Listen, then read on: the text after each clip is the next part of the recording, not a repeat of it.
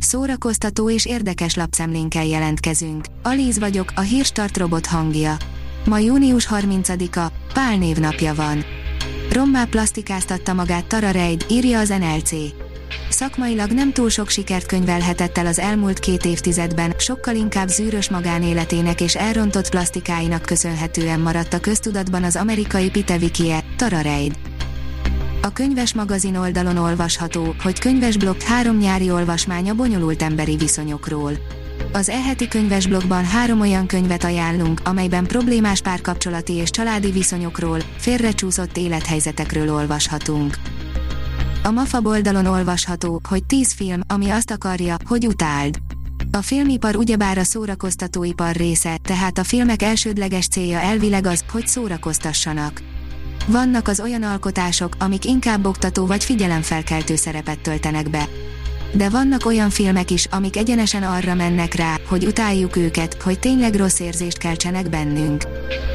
Az igényes férfi írja, Tony Soprano visszatér, előzetest kapott a mafiózók előzményfilmje. David Chase sorozata lebilincselő, humoros és izgalmas, amit brilliáns alakítások tarkítanak, a mafiózók előzményfilméhez érkezett friss előzetes pedig legalább ilyen ígéretes mozi élménnyel kecsegtet. A tudás.hu oldalon olvasható, hogy a hálózati gazdaság hatása. A vállalkozások sikerképlete egyértelműen megváltozott, írja Kormolenár egyetemi professzor, az e-marketing elnöke.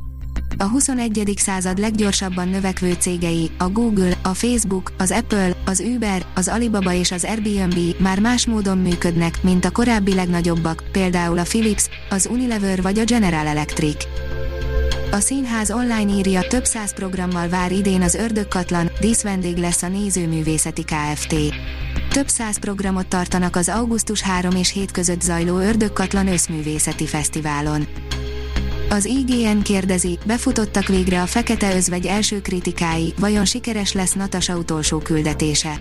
Nagy nehezen, de Natasa Románov szólófilmje is eljut lassan a mozikba, úgyhogy ideje volt már, hogy befussanak róla az első kritikák.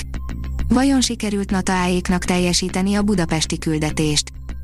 A kultúra.hu írja, kezdődik a zenélő Budapest koncertsorozat. Mintegy 350 ingyenes koncerttel várja a Zenélő Budapest rendezvénysorozat az érdeklődőket július 1 -e és augusztus 31 között a főváros több szabadtéri helyszínén. A Papagenó írja, Elina Garanka, Carmen olyan, mint egy macska. Elina Garanka, napjaink egyik legnevesebb mezzoszopránja 2010-ben bújt először a Bizé Opera címszereplőjének bőrébe, és azóta a legjelentősebb színpadokon aratott vele sikereket. A Fidelio írja túl az operán. Európa sok opera színpadát megjárt produkciót láthatott a közönség a Margit Szigeti Színház és a Magyar Állami Operaház koprodukciójában, a radikális megközelítéseiről ismert katalán rendező, Kaliszto Biító Bizé Carmen című operáját vitte színre. A koncert.hu oldalon olvasható, hogy zárójelben megjegyezzük holnap Fish. Két hónapja jelent meg a pandémia alatt elkészült, beszédes című, pozitív, nagylemez, a zenekar ígéretéhez híven folyamatosan szállítja hozzá a videókat.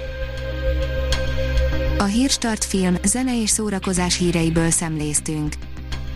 Ha még több hírt szeretne hallani, kérjük, látogassa meg a podcast.hírstart.hu oldalunkat, vagy keressen minket a Spotify csatornánkon. Az elhangzott hírek teljes terjedelemben elérhetőek weboldalunkon is. Ha weboldalunkon hallgat minket, az egyel korábbi adás lejátszása automatikusan elindul. Beállíthatja, hogy az összes korábbi adás, vagy csak az aktuális tematika hírei következzenek. Köszönjük, hogy minket hallgatott!